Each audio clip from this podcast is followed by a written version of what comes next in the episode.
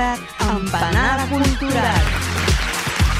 Un programa cuinat per Paul Digler, Ferran Pujol, Adriano Calero, Carles Martínez, a Ràdio d'Esvern.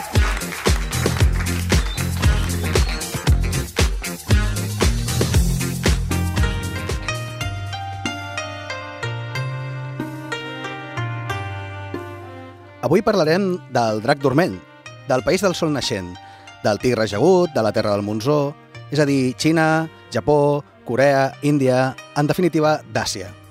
Però vet aquí el que passa. Què en sé jo d'Àsia? Doncs, amb total transparència, ben poc. He vist animes i llegit mangas.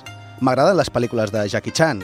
Tinc la versió Bollywood d'Indiana Jones a casa i sóc un dels 3.500 milions de visualitzacions del Gangnam Style a YouTube però d'aquí a realment entendre la cultura asiàtica hi ha un bon tros. Pel que fa a l'Àsia, sóc un complet Lego.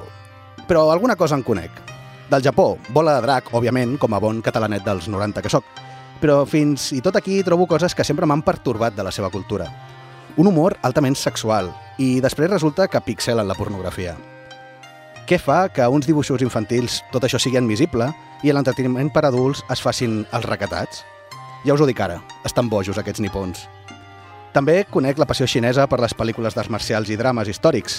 Clar que dubto molt que el setè emperador de la dinastia Ming resolgués la disputa del tron a base de patades de grulla. Ni què dir de Corea, perquè, un moment, algú pot explicar-me això?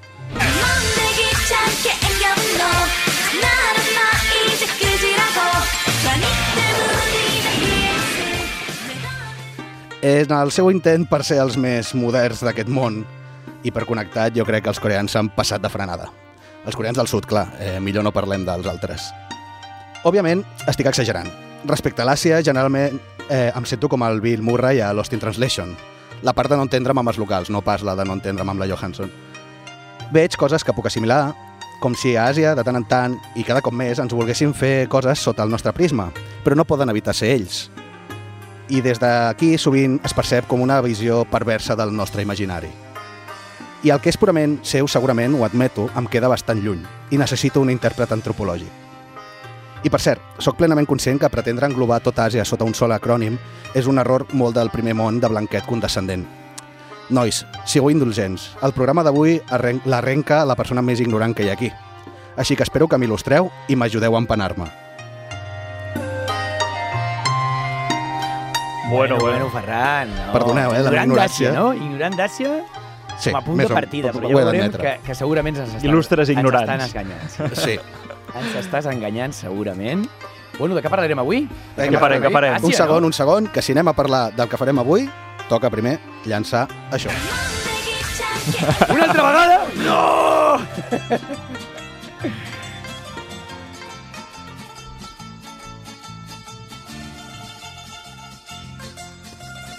Vinga, ara sí, perdoneu. Avui el menú, menú, Menú en del palillos. És que, menú en que palillos. arriba a ser i ho, i ho trastoca tot. Vinga, va, què tenim Noodles avui? i Rice. Doncs mira, avui com que m'encarregaré de la secció de cinema, o parlarem de cinema, però evidentment parlarem de cinema asiàtic. Passa que ja anaves ben encaminat, eh, Ferran, quan deies que parlar d'Àsia, eh, com a continent, ens serà molt difícil. Llavors segurament acabarem parlant d'allò que és més conegut, de l'Àsia oriental, del Japó, de la Xina, de Corea... Potser en un possible programa podríem parlar de la Índia, que dona molt de joc, de Filipines, de Sí, sí. Tailàndia, però clar, hem de diferenciar, no?, el sud-est asiàtic de l'Àsia oriental. A mi m'agradaria començar avui, això, parlant de cinema coreà. A Crec que has picat aquest, picat aquest temazo, eh? Ha volat, eh? Ha volat. Com? Què tenim avui? Còmics, Pol? A còmic, mira, porto una curiositat. Jo crec que se li diria curiositat, perquè és un còmic eh, que al final és una crònica, és un reportatge periodístic, però ja només pel nom, així deixo el, clip, el cliffhanger, que es diu Sex Report, Mm. japonès. Eh, Puja de to, aquest us programa. heu donat compte de que no hi és el Carles avui un altre cop, Sí, no? bueno. Només tenim una cinta, ens ha arribat com per variar un altre cop, una cinta que posa molt mal escrit Carles Martínez. Carla Ai, ai, ai. No en sé res més. I de videojocs, molt simple. Jo us parlaré dels Dating Simulators. Si no sabeu què és, espereu-vos a sentir-ho, perquè que és una molt, més molt que estrany. d'això, eh, tio? Bé, em sembla que començarà el senyor Adriano, així que donem-li pas.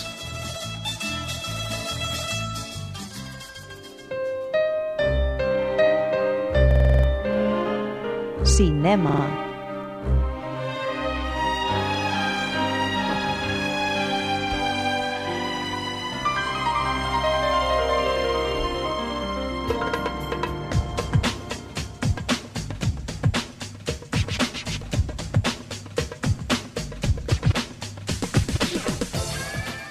¿Habéis visto que bien va a tirar de Hisaishi para la la, sección veritat, de la veritat és que sí, eh? Eh, Bueno, lo mismo te permite hablar de la au- autoría creativa, como de Asia, y puede que en un futuro hasta podamos hablar de animación. Ahí lo dejo. ¿eh? Por si nuestros oyentes no lo recuerdan, hace unos programas estuvimos hablando precisamente de eso, del autor. Y vimos como el compositor Joe Hisaishi hacía tándem autoral con el cineasta Takeshi Kitano. La pieza que estamos escuchando es precisamente una composición para Brother, ¿eh? de Takeshi Kitano. Pero también comentamos cómo precisamente Hisaishi había trabajado para Hayao Miyazaki. Y bueno, imaginaos, hoy que hablamos de Asia, ya sea Asia Oriental o Asia en definitiva, es un día perfecto para hablar de todos ellos. Pero me ha encantado, me ha encantado que hayas iniciado o parte de tu reflexión con ese pedazo de tema. Por favor, otra vez, por favor, por favor. Una auténtica brujería. Ostres, veig, veig que t'agrada, no? Sí, sí, me És que tinc, encanta. tinc por que entri algú a l'estudi fent una patada amb una espasa. Me encanta, vamos, me encanta. Bueno, ya sabemos que el K-pop ¿eh? posiblemente no me guste a mí, pero... Adriano, si no encanta- t'importa, la, la canvio, eh? Sí, sí, sí, A mí no me gusta, así que te doy totalmente el permiso, pero, pero no nos engañemos. ¿eh? El K-pop gusta y gusta muchísimo. Y el K-pop sería una muy buena manera de intentar entender este pueblo coreano. Como tú bien decías al principio, diferenciemos surcoreano. Pero ¿qué pasa? Cuando hablamos de K-pop, ¿eh? en el fondo estamos hablando de un producto surcoreano y si tiramos del hilo, veremos que en el fondo también es un producto americano de nuevo necesario concretar, estadounidense, ¿no? De Norteamérica. ¿Qué pasa? ¿Qué pasa con el K-pop? El K-pop en el fondo, la culpa la tiene un señorcito que se llamaba Seoi Taiji, ¿eh? una persona muy muy cercana a la música pop, pero sobre todo que tenía un grupo de música heavy, de música metal, y que a partir de los años 90 empieza a incidir en el mundo americano con una mirada que intenta adaptar precisamente todo aquello que ve en los videoclips en su propia realidad, ¿eh? bajo la idiosincrasia coreana. Y es de allí que él mezcla ese sonido metal con un poquito de urban, rap, hip hop, y es todo aquello que hoy en día podemos ver en los videoclips con estas señoritas 9, 10, también en Sí, sí, grupos de los colores boy pastel. bands, exacto. ¿eh? Y en el fondo mm, somos conscientes de que aunque es una mirada un poco bizarra hacia el pueblo coreano, Bastante, nos remite de nuevo, bizarra, ¿eh? sí, sí, muy bizarra, pero nos remite de nuevo a Estados Unidos.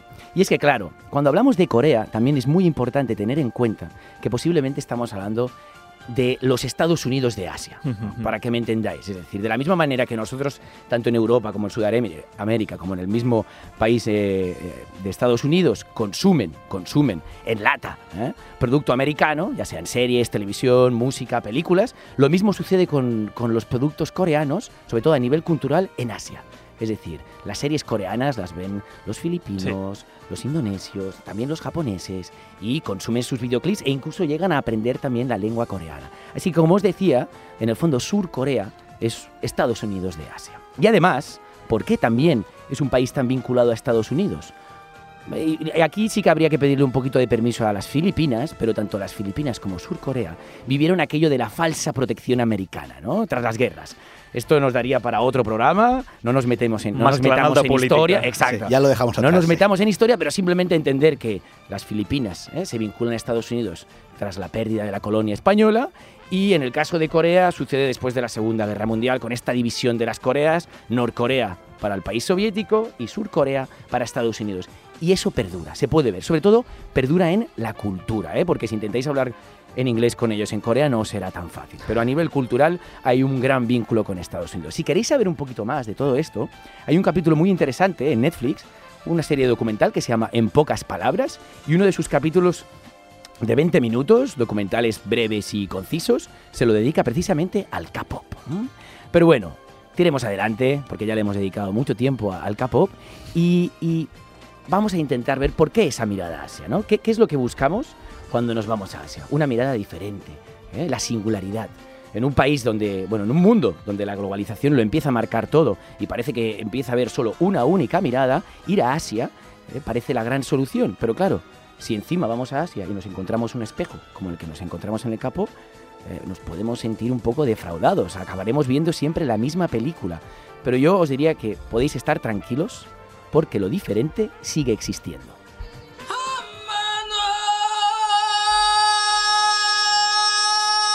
¿Dejo más silencio o...? No, por favor, ¿qué es esto? ¿Qué es no, no, esto, pero que siga, que siga. lo bajo un poco y continúa explicando qué es esto. No, no os lo, no os lo traduzco Es- porque es aún nos asustaremos. coreano. no os lo traduzco porque aún nos, nos asustaremos más. Este hombre, mientras canta, está preparando, está introduciendo las balas dentro de un revólver para acabarse suicidando.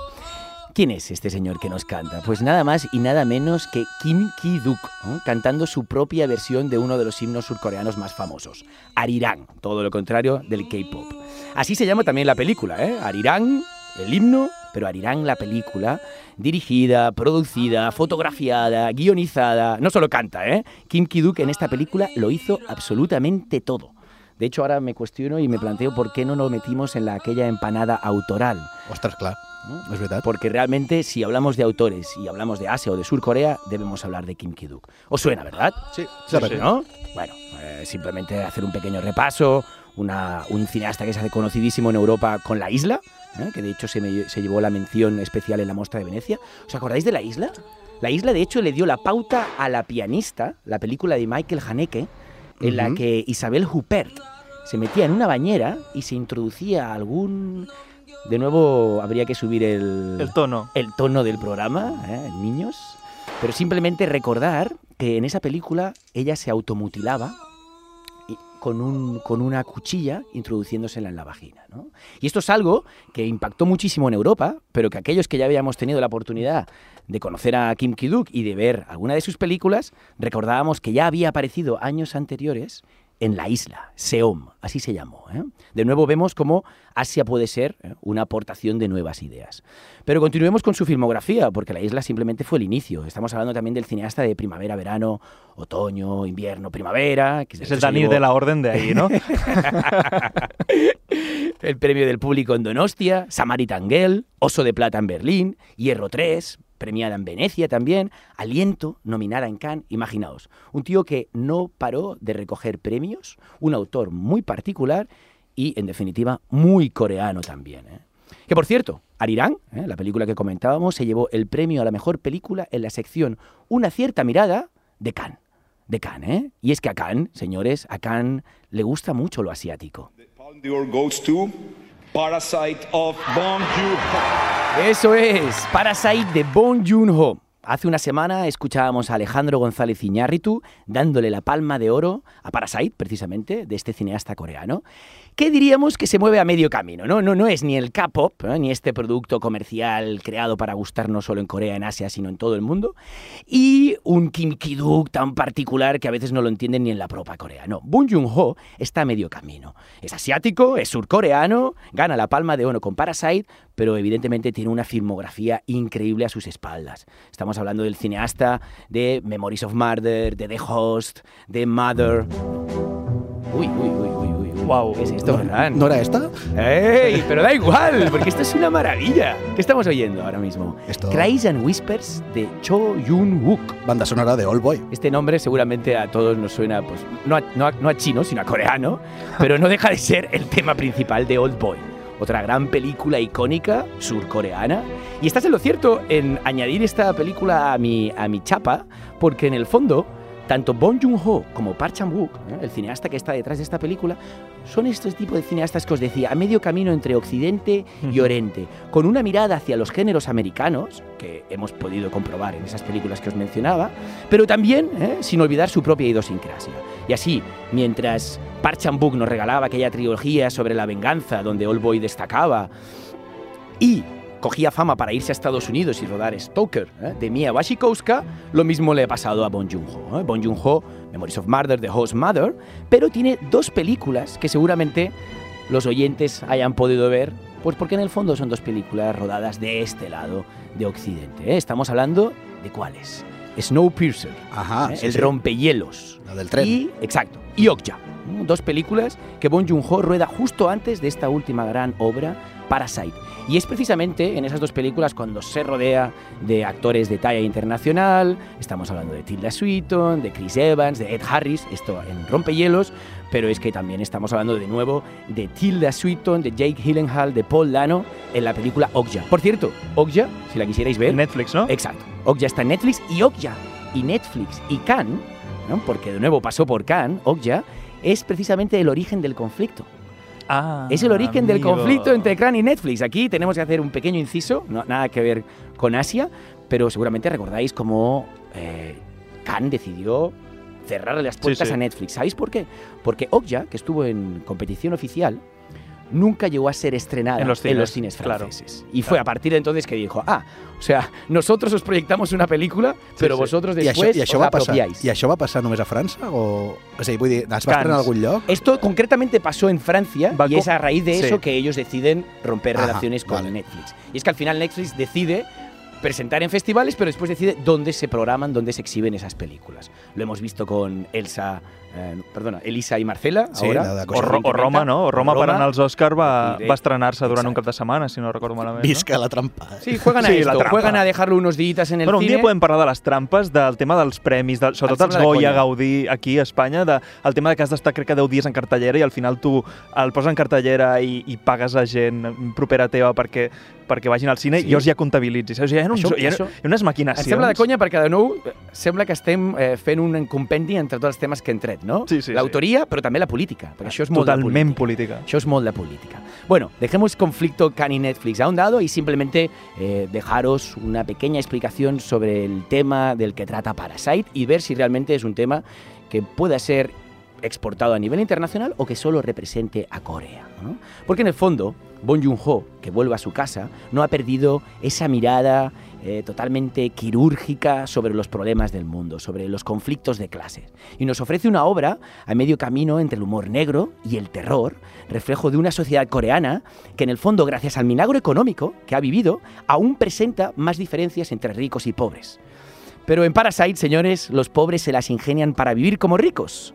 De ahí el nombre del título, Parásito. ¿eh? Y poco a poco, y uno a uno, se van vinculando a familias adineradas de Seúl hasta que la comedia se convierte, ¿eh? se vuelve terror. De hecho, como os he dicho, Joon-ho sabe jugar muy bien con los géneros. Y quizás mientras hablaba ¿eh? de cómo esta doble realidad económica y de cómo ¿eh? la clase pobre intenta sobrevivir a partir de un ingenio agudizado, quizás os está recordando a que precisamente en Cannes y precisamente el año pasado ganó otra película asiática. ¿De cuál estamos hablando? De Un asunto de familia de Hirokazu Koreeda.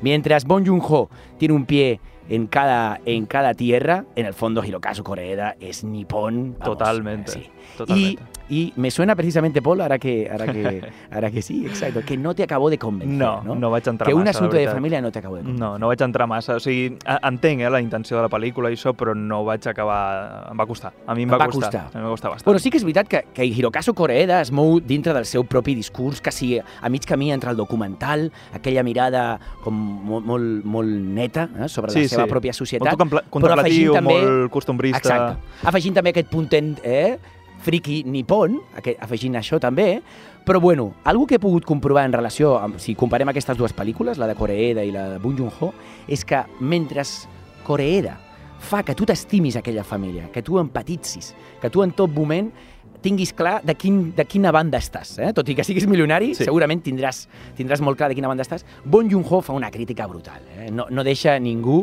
eh, sense patir i, i estem parlant de les classes baixes, mitjanes i, i les classes altes. Eh? Però bueno, eh, Mira, em, ja em, va bé, em va bé que treguis Exacte, això. és el que t'anava a dir, que ja m'estic enrotllant. No, però que em va bé perquè en, en, en el còmic que porto, a- ara entrem, però trec el tema de la Genial. de família. Doncs? Genial. Doncs, Vinga. em sembla collonut. Avancem. Sí.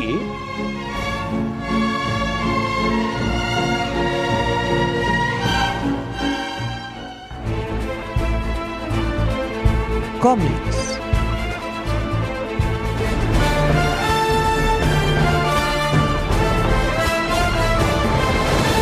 M'encanta, m'encanta que soni Spider-Man quan parlem d'algú que està molt pujat de to. Avui, Spiderman, Spiderman. avui sí que hem de fer un anunci de dos rombos, diríem. Va, perfecte, perfecte. Avui sí que hem de començar fent aquest anunci perquè la secció serà una mica més pujada de to avui. Um, ui, ui. Així que si sou menors d'edat o teniu fills escoltant, com cada setmana... Eduqueu-los bé i convide- podran escoltar convidem, perfectament Clar, aquest exacte. programa. Convidem- Dius això i és, exacte. sembla que els convidis. Convidem a escoltar No, no, és que Ràdio Sant, Sant Joan d'Espí. Uh, ara que si teniu, si sou menors i teniu els fills davant, replantegeu-vos la vida, Ah, segurament. exactament. Um, perquè avui, avui empalmada cultural, toca parlar d'un còmic, aquest me l'he buscat, eh? d'un còmic bastant triple X, però que amb un contingut que és bastant interessant, eh? que és Sex, Sex Report de Hiromi Miraguchi. Yeah. Bueno, de fet, ho estic llegint aquí. Ho estic llegint, Pol, Sí, sí. i diu Sex Report, diario de un putero en Japó. Sí, sí, és que van bastant Va fort, saco, eh? va, va, va fort, va fort. Uh, he posat aquesta música perquè al final el que fa el tio em va fer gràcia, a part que és un musicot, eh, evidentment, però em va fer gràcia perquè és un tio que, òbviament, fa moltes trucades nocturnes, com Night Call de Kavinsky. Um, a veure, bàsicament... Ben a- vist. a- així, ben vist. Molt ben vist, Molt ben això. vist, musicalment. I perquè és Um, un temazos, eh? sí, Tampoc sí, sí, Brutal, sí, sí. brutal. Doncs, a veure, el mateix autor del còmic en realitat és un periodista d'investigació que es dedica bueno, pues al món de la prostitució japonesa com a cronista. És a dir, és un còmic, però és un periodista que podia haver fet tranquil·lament cròniques escrites, o sigui, podia haver fet articles, podia haver fet el que volgués, però es va decantar per aquesta opció, format artístic, i llavors ell eh, el que feia era escriure, bueno, no sé si segueix en actiu, perquè estem parlant de... Eh, són 500 pàgines, pràcticament, um, a Amb tot experiències sexuals? 500 sí, sí, pàgines? tranquil·lament, tranquil·lament cansat ja. 500 pàgines, però cada dues pàgines és una, potser és una experiència, imagineu quantes experiències. Llavors ell el que es dedica és, treballa per diferents editorials, diferents revistes, de, i, i en algunes històries vas veient els propis editors que li demanen. És a dir, uh, pel següent número vull que em cobreixis mm, locals de casades o, o experiències diferents. Ara entrarem en el tema, perquè, perquè és que això, això ho has dit molt bé a l'editorial, Ferran, que és aquests japonesos Aquests asiàtics... sí, estan bojos, So- aquests nipons. Exacte, perquè déu-n'hi-do, vale? Busca Llavors- un company de feina o...? Aquí tots som, som tres crec- periodistes, no? No, aquí? però sí que és veritat, sí que és veritat de que llegeixes això i dius la naturalitat que ho explica i sobretot la naturalitat de que hi ha periodísticament obert, obertura de cobertura a Japó sobre aquest tema i És- penses, uh, aquí ha començar a haver-hi fuga de cerebros a Espanya cap allà. Sí, però no és molt habitual, no, a Japó, que hi hagi aquesta mena de, Exacte, de mirada. això és... eh, Aquí, clar, jo són molt temes de tertúlia que ja llançaré a la meva secció, eh? perquè realment um, veus la diferència que hi ha entre el que has dit tu, Ferran, al principi, bueno, i tu també, Adriano, que és la diferència entre lo explícit que és escrivint, dibuixant, eh, explicant totes les experiències que va, que va fent aquest reporter, però amb, amb, amb, amb la pròpia autocensura. És censura o autocensura? Això també és un, és un tema curiós perquè jo entenc que la cultura també és força tancada, ho veiem també en moltes pel·lícules més occidentals que no orientals, Mhm. quan, no? Lost in Translation, no? Algú més, més d'aquí, però aquesta censura ell és un reporter, o sigui... Se és com, l'autoimposa, és- vols clar, dir, no? o no, no ho sé, perquè al final el que acabes veient és, o sigui, explícitament els cossos de les dones es veu tot, per dir-ho així, uh, sí que té un traç bastant comiquero, no és algo molt, uh, molt, molt realista, el dibuix, no? O sigui, més, que, més que il·lustració, és còmic. és, còmic, sí, és com unes tires, sí, com un TVO, no?, per dir-ho així. Seria més xinxant que Just- no... Exacte, és, molt, és bastant xinxant, vale? Sí, sí, sí, és totalment... Vale, o sigui, mira, si vols mirar, quasi Adriano... infantil, no? Sí, clar, però més infantiloide. Perquè... Bueno, ca- caricaturesc una sí, miqueta exacte, i tot plegat, exacte. no? És molt... molt... Bueno, arribar al sexe amb una mirada... Clar, però llavors també veus la, els cossos de les dones estan molt sexualitzats des del punt de vista, bueno, al final Eh, que- ell va a, a Estic cases de cogombre prostitutes. aquí, eh? està. I- i no és una metàfora, Aquí està, aquí estic- està. estic veient Llavors, a- literalment a, un a mi el que em cogombre. feia gràcia és que no deixa de ser de que quan s'il·lustra el seu membre, el, un El seu membre... el seu cogombre. El, clar, dius, sembla el, el, el cogombre de mar del toca-toca de l'aquàrium, saps? O sigui, és una cosa que probablement és el que els hi deia. Jo us diria que el Japó, Toca, que té toca. tanta, que, un país que té tanta filia, no? que de tot ho converteix Clar, en, en, una, clar, en una que aquí- perversió, jo estic convençut que el pixelat ha arribat un moment que també li agrada, que també els hi posa. Perquè Clar, en el perquè fons està... Ho associa, no? Ho associen a un erotisme. Exacte. Sí, sí. Per això les gusta tant el retro gaming. que- que- Per això el retro gaming els hi mola tant. Exacte. Clar, però mira, a Argot, que surt en aquest còmic, però Argot, que dius, um, que ja el coneixen, uh, Image Club, Pink Salon, Aesthetics, Soapland, Fashion Health, Delivery Health, Love Hotel. O sigui, ni puta idea de què és res d'això. Jo m'he quedat amb l'últim, l'últim sí. Love Hotel. No, però és que la majoria de llocs és com... Uh, són coses molt concretes. Per exemple, hi ha, un- eh, al final el còmic és una mica avorrit, però clar, no, Bueno, perquè és a- a- repetitiu, perquè és no? repetitiu, Entenc que perquè és- al final és una crònica. És, és, abans ho comentàvem d'entrar a l'estudi, que és, és que al final no deixa de ser com estar llegint les cròniques d'un periodista que, que es dedica a cobrir els millors llocs de braves de Barcelona. Les cròniques per dir d'un alguna cosa. putero en Japó. Clar, Ja, però al final és el tio com si s'anés a un bar i es fes les seves braves, els seus xocos i, i fes un top, vale? i m'he gastat tanta pasta.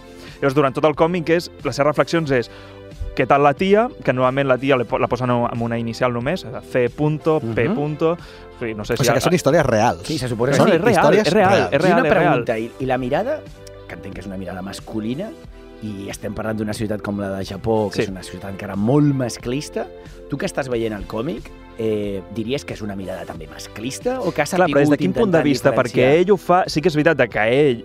Jo crec que també ell es pinta molt sortit, quan en realitat no és tan així. O sigui, ell es fa una caricatura ell mateix. Bueno, ell es degrada bastant. Utilitza, veig que utilitza aquest humor que comentava jo, no? del pervertit al Japó es Sí, considera és molt- una figura, és molt una figura aquesta- humorística. Exacte, no? és molt el doctor Slum quan es posa una hi- davant. és que els follet- funciona follet molt bé, tortuga Follet aquesta bola. tortuga, vale? és, és, és molt aquest personatge, no? És que el Japó és, en el fons, és com un, Perquè, de un fet, món ell, ell en el dual. seu propi dibuix, quan es dibuixa ell, es dibuixa com un sortit super amb feo i tal, però després el veus per internet, el busques, i, I és és un tio normal, és- no? És un tio, tio apuesto, saps? Tio, Era un buen hombre. I, I a més estem parlant hombre. de que a- aquest recopilatori, aquest recopilatori és el segon volum, però és el primer que s'ha dit en espanyol, però és el Vale. segon volum, és a dir, imagineu ja... eh, La trajectòria que tenia aquest trajectòria- home. Això, aquest és de por ahí a 2006-2010, és com un, un compendi de, de, de dos o tres anys, crec, i llavors eh, el que és curiós és eh, no només les, els llocs al que els hi, toc, li toca anar o va pel seu peu per fer les cròniques, sinó que són les coses tan concretes, i aquí ve el tema dels fetichismes i tot això.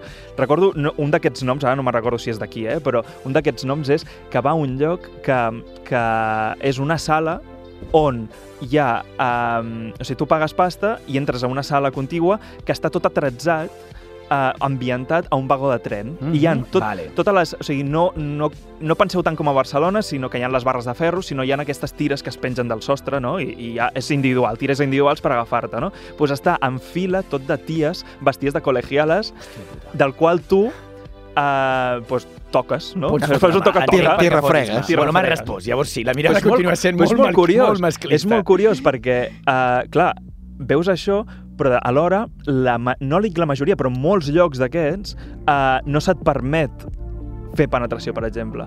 És molt curiós això, perquè és molt... Uh, ells juguen molt a, a... Bueno, això, com si fos aquest joc de, de vaig a un lloc que a priori podria ser un vagó de tren normal i vaig a fer aquests... Bueno, perquè a banda d'aquest No? To tan masclista sí que és cert que són molt creatius, no? Sí, De vegades home, això segur, per- això pel segur. No, moltes, moltes vegades La per benefici només creativitat, masculí. el hentai, el hentai. és que, per són favor. molt creatius i tota aquesta diversitat d'opcions sexuals que segurament has trobat aquí em fa recordar un llibre que vaig llegir ja fa molt de temps, de Ryu Murakami, no? Quan surt aquest nom, Murakami, és inevitable que tothom hi digui ah, sí, el Haruki, el Haruki Murakami, el de Tokyo Blues, Sí. adaptat precisament en cinema, o el d'ara del el, el hijo del comendador, em sembla que... No, La muerte del comendador, s'ha dit. Aquest Lo mismo llibre. hijo, muerte. Uno viene a ser lo Q83, mismo, no? Adriano. 1983, és a dir, porta una trajectòria aquest senyor molt conegut. Però no estem parlant d'ell, eh? no estem parlant del Haruki Murakami, estem parlant del Ryu Murakami, molt més transgressor, molt més bizarro. I té un llibre que es diu Sopa de miso. En aquest cas, Mm. no és un llibre que sigui de caire realista, però sí que és cert que tens un personatge estranger dels Estats Units que arriba a Tòquio i que s'agafa un guia. Un guia que coneix molt bé la nocturnitat de Tòquio i que precisament el que, el que fa és de guia en tot aquell, aquestes possibilitats i aquesta creativitat sexual. I ara que deies això de que hi ha llocs on no hi ha penetració, però hi ha altres, altres sí, opcions, Hi ha altres, sí, sí. allò, aquell llibre t'ho va deixant molt clar, no? I, i, i bueno... Però una de les coses curioses és que jo, bueno, com a mínim aquí ho diuen molt fàcilment, no? O sigui, no, no, no es tallen en dir que hi ha, en els quioscos, tu pots, de fet ell treballa per això, et trobes unes guies sexuals. És a dir, tu trobes com el que serien els classificados no? de, del diari, però hi ha revistes especialitzades a l'abast del públic i és on ell fa aquestes tires còmiques. O altres revistes que podria ser com un Playboy, eh? Però, però ell cada cop que viatja a una de les ciutats de Japó se'n va directe a aquests, bueno, a aquests, a un quiosc a comprar aquestes revistes i diu, vale, va, doncs avui vaig aquí, demà vaig allà, i a més va, va catalogat com gairebé per temàtiques, perquè estem parlant de que hi ha vegades que se'n va... Ah, ara faré una notícia sobre llocs que només hi ha eh, dones casades, que això també és una mena de tradició que he vist allà, que es veu que és bastant normalet, el tema anar-te'n amb casades mm, en, en cases sí, de sí, prostitutes. de manera conscient, evidentment. Sí, sí, sí. O uh, inclús embarassades. O, o sigui, hi ha coses com molt concretes i ell, ell ho va cobrint. I és molt, és molt, molt, molt curiós. Déu-n'hi-do, Déu-n'hi-do. Llavors, res, com per, per ja tancar perquè és, eh, jo crec que són temes de, de, de la tertúlia, pròpies de tertúlia, que és aquesta... no, no sé si és hipocresia, però aquest rotllo de són tan tancats, però després hi ha tot el karaoke, després eh, eh, no són tan malalts en fer aquestes concretes, coses concretes de, de, de, tant de prostitució tan concreta, però després tot píxel, no? que és el que deies abans, Ferran. Hòstia, jo crec que, per és que què? en el fons, per quan, què? quan se'n apropem al món nipon, en el món japonès, veiem que aquesta doble moral que existeix a tot arreu, allà es potencia per mil. I precisament això que estàs dient de eh, dualitat eh, eh, píxel versus prostitució de tot tipus, és que ho trobes en el Japó ja més, més, més, més clàssic, no? D'aquell Japó a mig camí entre la tradició, els samurais, les geixes, Sí, sí, i aquest sí, Japó sí. de la modernitat, Sí, sí, del sí, treball. Ho tens també amb això, precisament, eh? en el treball, treball, treball, treball, però després està ben vist que els jefes surtin, se'n vagis de puta, se'n vagis de putes i en el fons Sí, sí, sí, com una- És exacte. a dir, com, com aquella manera de compensar una realitat que no es pot mantindre 24 hores, 7 dies a la setmana. No? I això ho tens amb tot. Eh? Ho tens amb els, amb els productes artístics, amb la vida social, amb el treball i amb la història. Vamos, no? que, que, que jo el que penso dels japonesos, segons aquest llibre, és totalment cert. Estan Sí, sí, realment és una pirats. passada. O sigui, la Però- sexualitat la I ja, tenen... ja, per, ja per tancar, ho relacionava amb un assumpte de família, que l'has tret abans, la pel·lícula, perquè hi ha un moment que una de les, no? una de les protagonistes Sí. que fa com una mena... No són una webcamer, sinó que al final és es posa al davant de gent amb els vidres com eh, opacos, no? Llavors, i després, si tu pagues més, pots anar-te'n amb ella, uh, però no a fer res, perquè no hi ha penetració, està bastant està, prohibit. Està prohibit. Llavors, eh, em, em va fer gràcia com això, no? La relació entre aquest còmic, que, Que dius, és que inclús tan sortit eh, hi ha molts locals que ell ja sobreentén, no? És que ja s'entén de... Inclús ell pregunta a vegades, bueno, però podria... I la tia, no, no, ja sabes que no se puede, de està fet- prohibido, està prohibido. De fet, llei. personatge d'un assumpte de família et recorda a París, Texas, us en Hòstia, recordeu? París, amb la Texas. Kinski. Sí, Sí, sí. sí, sí, és veritat, ara que ho comentes. Sí, el que passa sí. que aquí pots comparar i veure la diferència de com, com es, es tracta porta el això tema, Japó i com, a més, la família precisament és conscient, eh, és totalment conscient, és una cosa ultranatural, Sí, sí. Però al final és pasta. i com en París, Texas, suposa un drama, no?, evidentment. Eh, nois, hauríem d'avançar. Us recordeu Avancem, que hem avancem, rebut, hem, hem rebut una cinta del Carles. Ho recordeu o què? Perquè Sí, sí. El, el fet és que la tinc aquí. Martínez! I si us sembla bé, esperem, la posarem. Ai, això I- Parla d'Àsia avui, el aviam, Carles, o què? Aviam què ha passat. O ens parla d'Àfrica?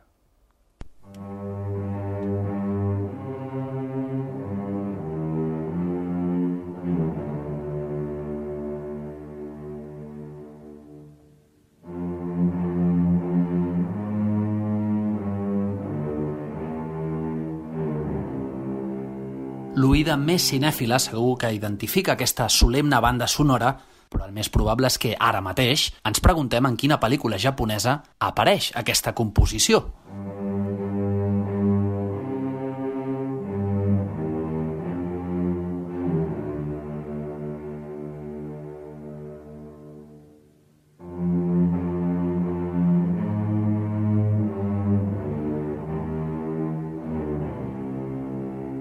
Set guerrers, un poble indefens i una missió mortal. La música que estem escoltant acompanya aquests tres ingredients per crear una de les pel·lícules o, per què no, una de les empanades cinematogràfiques més immortals de la història, Els set samurais d'Akira Kurosawa.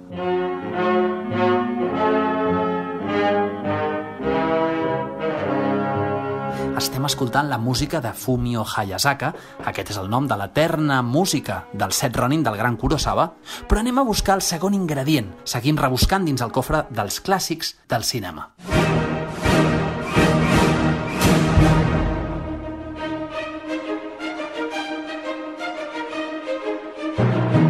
I novament trobem a Set guerrers, un poble indefens i una missió mortal. La història repeteix, però la música ha deixat de ser solemne. Aquesta vegada acompanya els pistolers de Los Siete Magníficos de John Sturges, amb la també magnífica partitura d'Elmer Bernstein.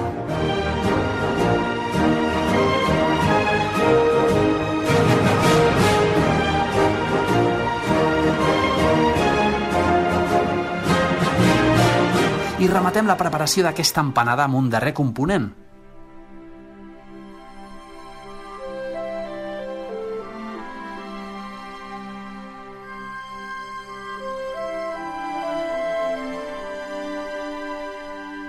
Lògicament, aquesta vegada anem més perduts. Ni tan sols trobem actors o actrius, sinó animació digital. Píxels que carreguen amb l'herència del celuloide. Però la recepta narrativa, la recepta temàtica, inclús, segueix partint del mateix lloc. Set herois, un poble indefens i una missió. Podríem dir que absurda, esbojarrada, però absolutament creativa. Parlem del poble de formigues esclavitzat per la dictadura d'unes llagostes i d'uns insectes de circ que es veuen de sobte enmig del conflicte. Estem parlant de Bitchos, de John Lasseter i Andrew Stanton, una de les primeres grans apostes de la titànica Pixar, amb música a càrrec de Randy Nyman.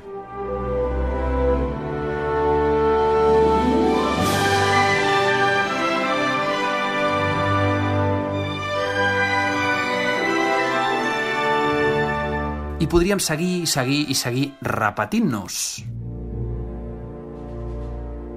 Ara ja no són set, sinó vuit, els valents que van rescatar el famós soldat Ryan de Steven Spielberg, al compàs de John Williams.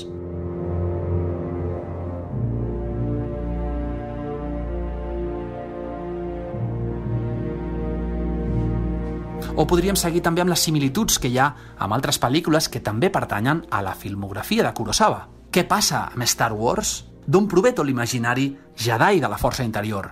O el casc de Darth Vader?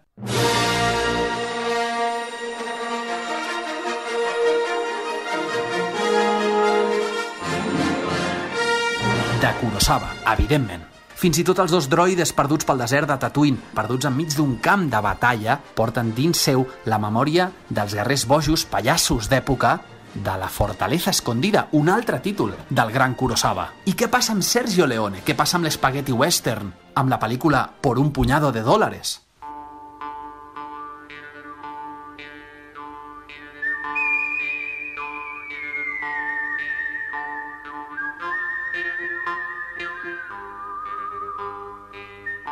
Doncs que dona un glob d'una altra font que també pertany a Kurosawa, Yojimbo.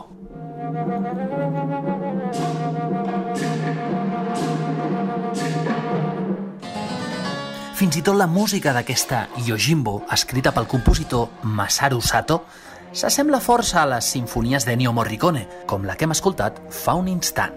I és que, recuperant el programa de l'altre dia, la inspiració torna a arribar en forma d'etern retorn. Un dia de la marmota on l'espectador o l'oient torna una i una altra vegada al mateix inici, que en aquest cas és Akira Kurosawa, emperador del cinema asiàtic, humanista del país del sol naixent i, no ens oblidem, el veritable responsable d'haver expandit el cine asiàtic a escala internacional a partir d'una pel·lícula absolutament indispensable com és Rashomon. you Hombre, are forgetting hombre. something, Mr. Martinez. You are forgetting. Ja ha tornat. So listen, listen carefully what I'm gonna say to you, my Nois, nois, friend. nois, ja el tenim aquí. No, no us puc dir gran cosa, així que se- seré breu.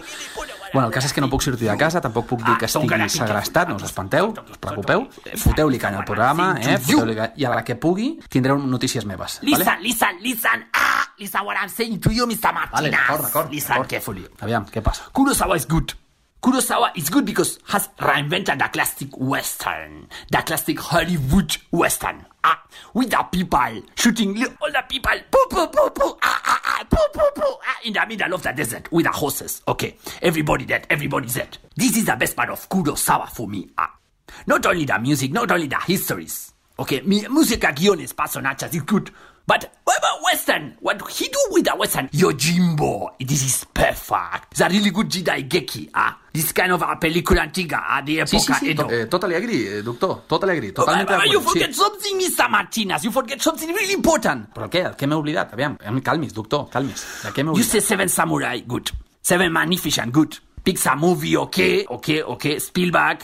But you forget something. Bueno, el què? De què m'he oblidat, doctor? Uh, wh- wh- when you say Sergio Leone, when you say por un puñado de dólares, when you say spaghetti western, you forget talking about this.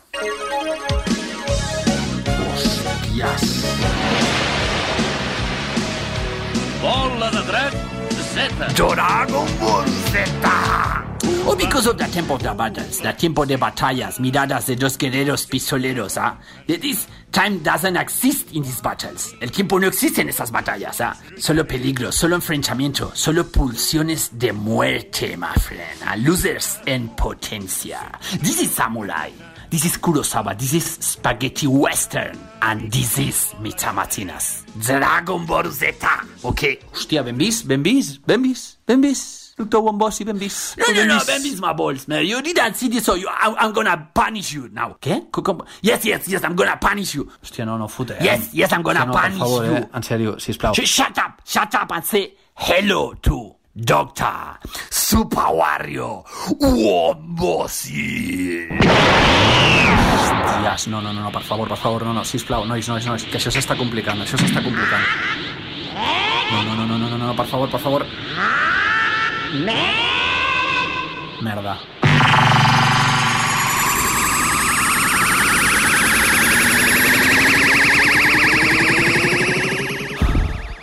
Bueno, Pol, Ferran, Adri, no us preocupeu.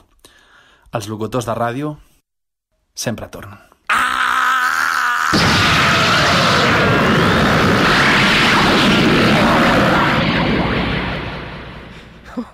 Eh, des descansi en pau, Carles.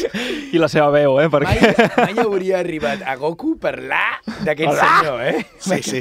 Bueno, Sí que tenia un puntet en Goku, eh? De ma- Mr. Bombosi. Tic, tic, veig que aquí a la caset que he agafat, darrere hi ha una nota, és la setmana que ve vinc. Ah, mira. Vale? Bueno, Llavors, amb el Bombosi demà. o, o Exacte. només ell? Això ja es veurà. Bueno, ja eh, tirem endavant, que, Sí, que toca la secció de videojocs. Videojocs.「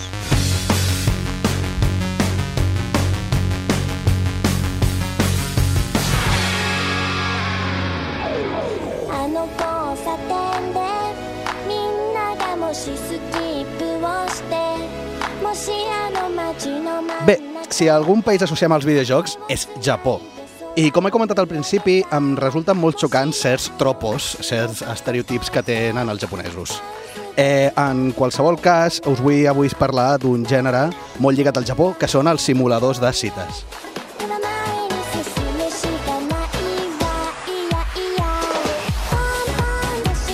Un simulador de cites, o un dating sim en anglès, o un renai en japonès, que ho he buscat, és exactament el que el nom indica. És un simulador de cites, et dediques a tenir cites. Normalment es tracta d'un joc, una mena de sort de novel·la visual, eh, però centrada en aconseguir el favor romàntic d'un altre personatge. L'estil visual és clarament mangaka, és a dir, que veurem les típiques waifus i els senpais ultra kawaii, aquests ulls grossos, aquests pentinats impossibles. A través de diferents trobades i converses amb diferents personatges, amb diferents personalitats i trets diferencials, haurem de triar i aconseguir seduir el que més ens agradi com a parella. L'objectiu d'aquests jocs és clarament romàntic. Però bé, igual que la majoria de videojocs les fantasies són de poder, en els dating sims les fantasies són d'amor, inclús sexuals, podríem arribar a dir. I aquest és el twist, precisament, que em fa que em crida l'atenció, que, eh, l'atenció, que acostuma a tenir un punt altament sexual. I tots els personatges, estranyament, resulten atesos, eh, atrets cap a- al teu avatar, que en veritat és un full en blanc on tu projectes els, treu, els teus gustos. Una societat com la japonesa, tan devota a la vida laboral o, i on el recatament i l'honor social són la nota imperant, era el caldo de cultiu perfecte per a aquesta mena de jocs i experiències. Acostumem a pensar en aquell prototípic noi nerd que viu aïllat a, a la resta del món degut a les pressions i expectatives socials imposades al Japó i que es tanca a casa, on sovint acaba donant més importància a la seva, virtual, a la seva vida virtual. Aquí, aquí sí que aquesta paraula la coneixem, són els coneguts com hikikomoris. Sí. Hi ha un curt d'animació, per cert, espectacular, que es diu Mi, Mi, Mi, que entre altres coses, perquè no és només sobre els hikikomoris, representa molt bé aquesta figura i els perills de l'aïllament i l'obsessió de la virtualitat. I en el cas dels nois, l'obsessió cap a les noies. Sovint ens trobem que aquests jocs són molt d'estereotips heteronormatius. Abans parlava l'Adriano d'aquesta mena de masclisme que hi ha al Japó, no? Però passats per al filtre japonès. La heteronormativitat japonesa no és la nostra i per molt dolenta que sigui la nostra, aquella Déu-n'hi-do. Déu-n'hi-do. Déu-n'hi-do, i tant que sí. Les noies són molt servicials i si, no, i si estan enfadades amb tu és perquè en, reali en realitat es moren pel teu cogombra i Sí, sí, toca, toca. De, forma, de forma secreta, exacte. Eh, tot i que des de fa un temps s'han introduït relacions homosexua homosexuals en aquests jocs que són conegudes com a yaoi i també hi ha un subgènere destinat a les noies heterosexuals, que és l'otomo. per seduir els nois, podem entendre que en general els dating sims cauen força en el masclisme. És a dir, utilitzen aquesta visió de masclisme socialment funcional, bàsicament. Aquest gènere, el dels nois, és el bisojo. Però vinga, va, fem una petita, ara ja, jo no tinc gaire més a dir, tot això és el que he investigat, perquè en veritat... Doncs de fet, jo, jo sí que tinc un parell vull dir, ara, ara faig una petita... L'Adriano ha, ha- ha fet servir molt això. Fem, fem, una petita, fem una petita repàs de, de la història dels date sims, perquè això comença als anys 80 amb el, a veure si ho dic bé, Tensitachi no Gogo, o el Girls Garden, aquest està en anglès. Eh, però bueno, va ser als 90, en veritat, amb el Tokimeki Memorial de Konami, que es van definir les mecàniques que avui defineixen el, el, el, aquesta, aquest gènere, que són arbres de diàlegs amb diverses opcions disponibles, eh, múltiples finals, és a dir, pots jugar al joc diverses vegades i acabar amb una parella diferent, múltiples orientacions sexuals, com comentava, tot i que hi ha orientacions un tant perverses, ja que tu pots triar ser un home madur que li agraden les noies, eh, diguéssim, massa joves. I... És un clàssic, no? A Japó i tot això. És un superclàssic. I eh, després també hi ha un límit de, de temps per aconse- aconseguir els objectius, minijocs, etc. Com veieu, aquí hi ha elements de RPG on hi ha medidors que van determinant l'estat de l'enamorament, d'enfadament, d'atracció que té el personatge cap a tu. I, I bàsicament és una manera de gamificar, que es diu uh, l'amor, que el fa No, una mica no estrany. gamificar, eh? No, gamificar. Vale, vale. Gam gamificar, és una Gamificar. altra... És, bueno, és també, de- estàs, també estàs aprenent jugant. Sí, sí, aprens Sí, sí, menys. sí, A- a- cites. Els valors, els valors de l'esbàstica, no? Amb el, amb el gamificar. Bé, la veritat és que poc han canviat els date sim en tots aquests anys, però l'aparició d'internet i la cultura meme ha fet que hi hagi un ressorgir, potser un tant postmodern i irònic, per tant, eh, amb una mica revisionista del gènere. Sent força autoconscients de que els date sim realment no simulen la realitat, sinó que faciliten fantasies perverses dels seus usuaris, últimament ens hem trobat amb casos molt extrems i fins i tot crítiques encobertes del sistema tradicional d'aquests jocs. Poso alguns exemples molt ràpid, que no són els millors date sims, però són els més coneguts. Hi ha el Hatoful Boyfriend, on tindràs cites amb coloms. Hòstia. Sí, sí, amb coloms. Eh, eh, representa que en un món alternatiu els coloms són hiperintel·ligents i han substituït a la raça humana i es tracta de que tu doncs, has de triar el colom que més t'agradi. Hi ha el, pal- el, el, el, el Sí palomo cojo, sí, el sí, sí, palomo... ja vist bé abans. Això això m'ho apunto Vale. que li és una, a algú bàsicament és una paròdia melodramàtica que, de fet, eh, jo vaig veure uns gameplays i hi ha unes històries, hi ha uns drames darrere de cada colom espectaculars.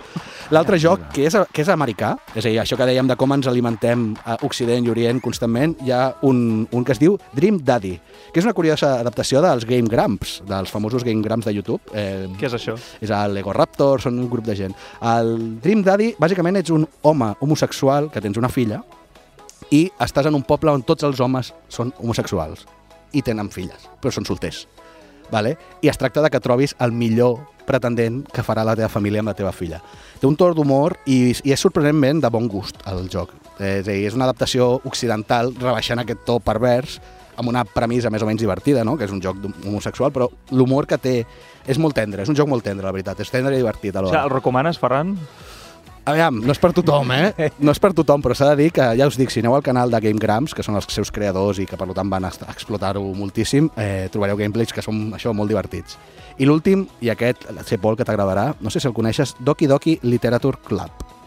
No és exactament un date sim, més aviat és una novel·la visual que trenca la quarta paret, Mm. perquè juga molt a comentar, a fer un comentari crític a l'obsessió a tenir parella, l'obsessió d'estar obsessionat amb un Mhm. joc i a poder tirar cap endavant.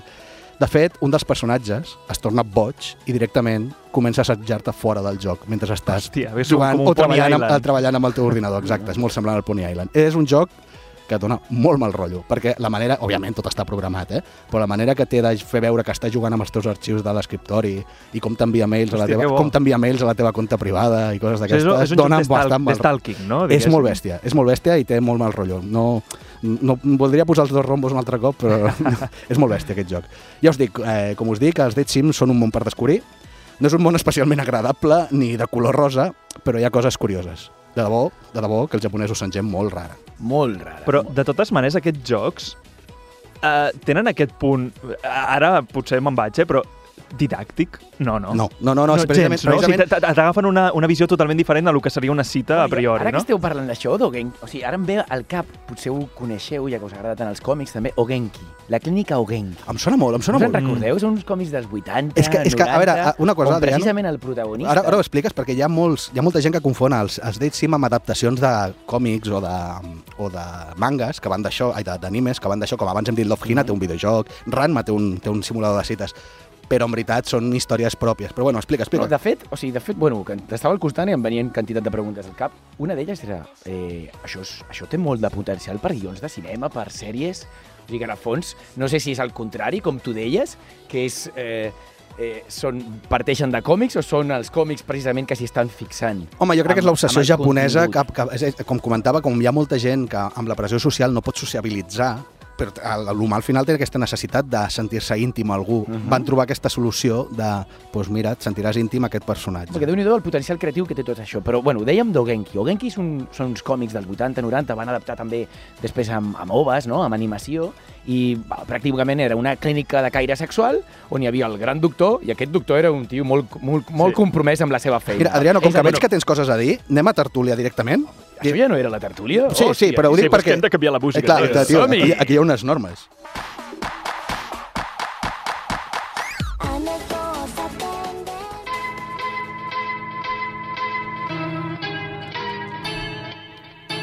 Empanats encarats. Ah!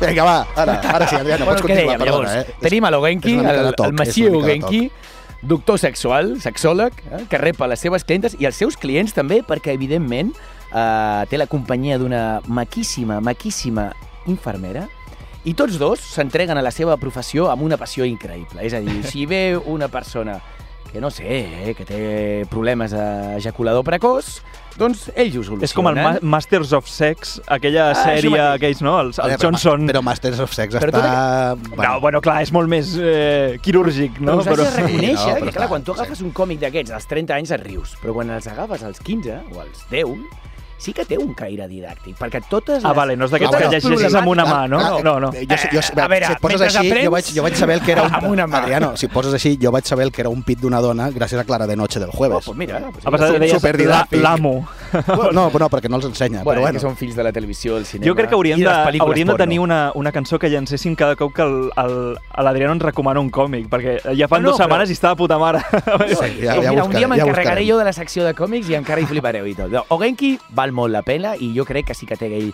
caràcter totalment eròtic, però didàctic. Eh? Però, didàctic. però abans parlaves del Hikikomori.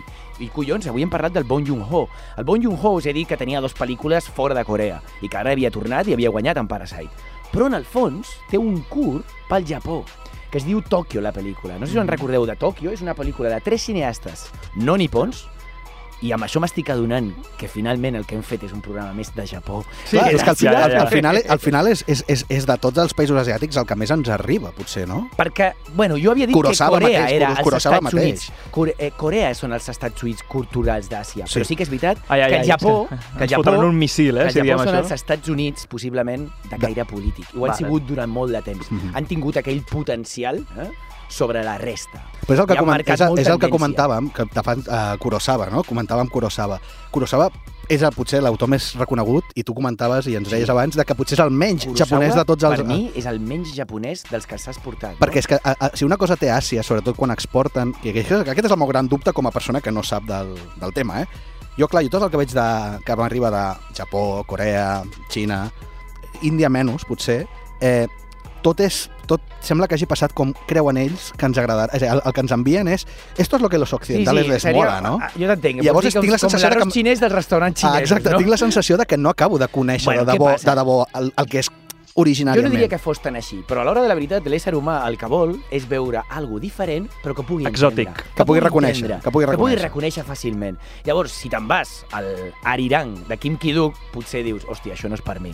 Però si te'n vas a un- una pel·lícula de gènere que no és dels Estats Units, però, hosti, té aquell puntet coreà i també a mig camí amb el que tu has vist i coneixes, doncs segurament t'agradarà més. Però per finalitzar amb el que et deia, Ferran, Hikikomori. Hikikomori és un dels curts que té Bong Joon-ho dintre de la pel·lícula Tòquio. I Tòquio és una mirada precisament estrangera de tres cineastes. Un és Michel Gondry, de França, un altre és precisament també de França, Leo Carax, Ah, que ja- després sí, ah, de ja sé fer quin és. aquesta, Sí, sí, sí. Aquesta, aquest curtmetratge o migmetratge que es deia Merda, Mierda, és quan va fer aquella Ai, sí que gran sona a mi. pel·lícula A mi sona que el va això. tornar a la vida, en Leo Carax.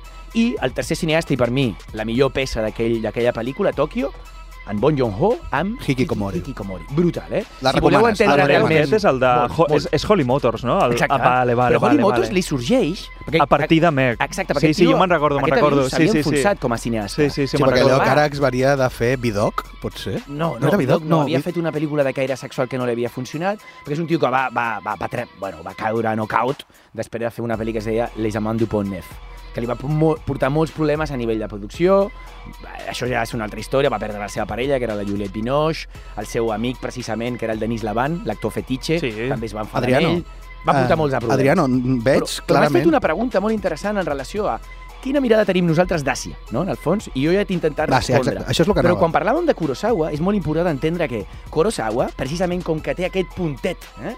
El que deia jo sempre, un, un peu a cada terra, és qui agrada més. I és que finalment acaba fent un cinema, evidentment explicant històries que ell coneix, japoneses, però un cinema amb un llenguatge cinematogràfic totalment occidental. De fet, Kurosawa té alguna que el defineix molt, i és que ell tirava de teleobjetivos. La seva Mm, manera de rodar era molt distanciada, tirava de teleobjetivo i per això intentava no influir És molt la fredor molt, sí, japonesa, molt, eh? Molt, molt, molt, molt. Però en el fons... Que alhora és la mateixa fredor dels westerns. Exacte, exacte, i és aquí el que jo estava buscant, aquesta reflexió, no? veure com ja la seva manera de rodar està vinculada a Occident. Però, si en el fons parlem de cineastes que realment són 100% japonesos, com Yasuhiro Ozu o Kenji Mizoguchi, ens trobarem, i molt menys coneguts, perquè veig que m'esteu mirant amb, Eh, amb sí, cara de... sí, ja- ja- ja- ja ho he dit Kenji Mizoguchi, la seva temàtica sí que és 100% nipona, perquè parla de samurais, de geishis, i quan estàs veient el seu cinema, sembla que estàs veient això, eh? pel·lícules d'època que no Sí. siguin possibles, perquè a més, com que les veus i són dels anys 50, encara te les creus més. Però és que després tens a Yasuhiro Ozu, que és un tio que sempre tenia la mateixa pel·lícula. Un home de la postguerra de Tòquio que volia casar la seva filla i amb això ja podia morir tranquil. La societat que deixava era una merda, però si casava la seva filla es quedava content. I saps què feia aquest senyor? Aquest senyor va entendre que la realitat japonesa, sobretot a casa, eh, a les llars, era una societat totalment baixada. I baixada ho dic des de perspectiva d'alçada. És a dir, no podies tirar d'un trípode convencional perquè els japonesos a caseta estan assegudets, estan Sí, relaxats. a terra, directament. Exacte. Mhm. Llavors, què va fer ell? Amb el director de fotografia van baixar el trípode.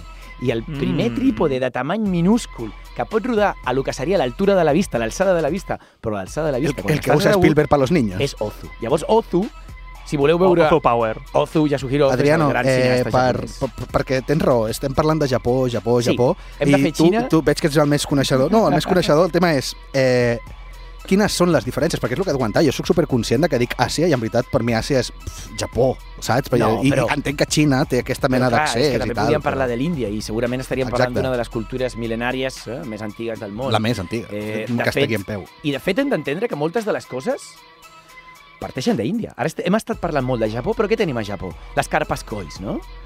Tothom recorda la carpa coi, aquesta llegenda d'una carpa que lluita Sí, aigua sí, amunt per contracorrent, poder arribar al sí. naixement del riu, no? Sí, sí. I això ara on ho veus? No ho veus a Japó, ho veus als tatus dels occidentals. Oi, nois, Eh? eh? Eh, tenim dos minuts i mig i hem de fer l'agenda. Correm, correm. Bueno, doncs eh, deixem-ho aquí. A deixem tope. aquí, fem-nos un tatu d'una carpa i ja us explicaré per què ens la fem. Què es cou? Rapidíssim.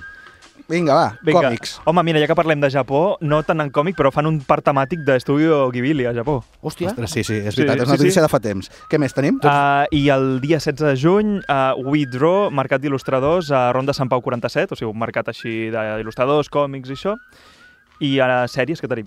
Doncs a sèries tenim, ja ho hem Oh, comentat, 5 de sí, març, sí. eh, eh, Això, Black això. Mirror, temporada 5, i el dia següent, 6 de juny, a HBO, la tercera temporada de Handmaid's Tale, el cuento de la criada. Hòstia, doncs hauríem de parlar de Black Mirror, eh, en algun Sí. moment. Sí, hem de fer especial. del cinema, recordar que el 3, 4 i 5, dilluns, dimarts i dimecres, és la festa, del Festa cine. del cinema, exacte. I bueno, que està a cartellera la nova pel·lícula que parla d'Elton John, Rocketman. Eh? Rocketman que sembla que intentarà arreglar no, tots els problemes de Bohemian Rhapsody No que és- era no és només la posada Bohemian- en no- escena. no no és Bohemian la 2? Bohemian Rhapsody d'Elton Vale. John. Es veu que, que busca el conflicte. Vale, de videojocs que hem d'anar acabant, eh, tenim que aquesta setmana comencen les conferències prèvies a l'E3, ja en parlarem d'aquí dues setmanes quan s'hagi celebrat l'E3, i em sembla que tenim alguna cosa de música?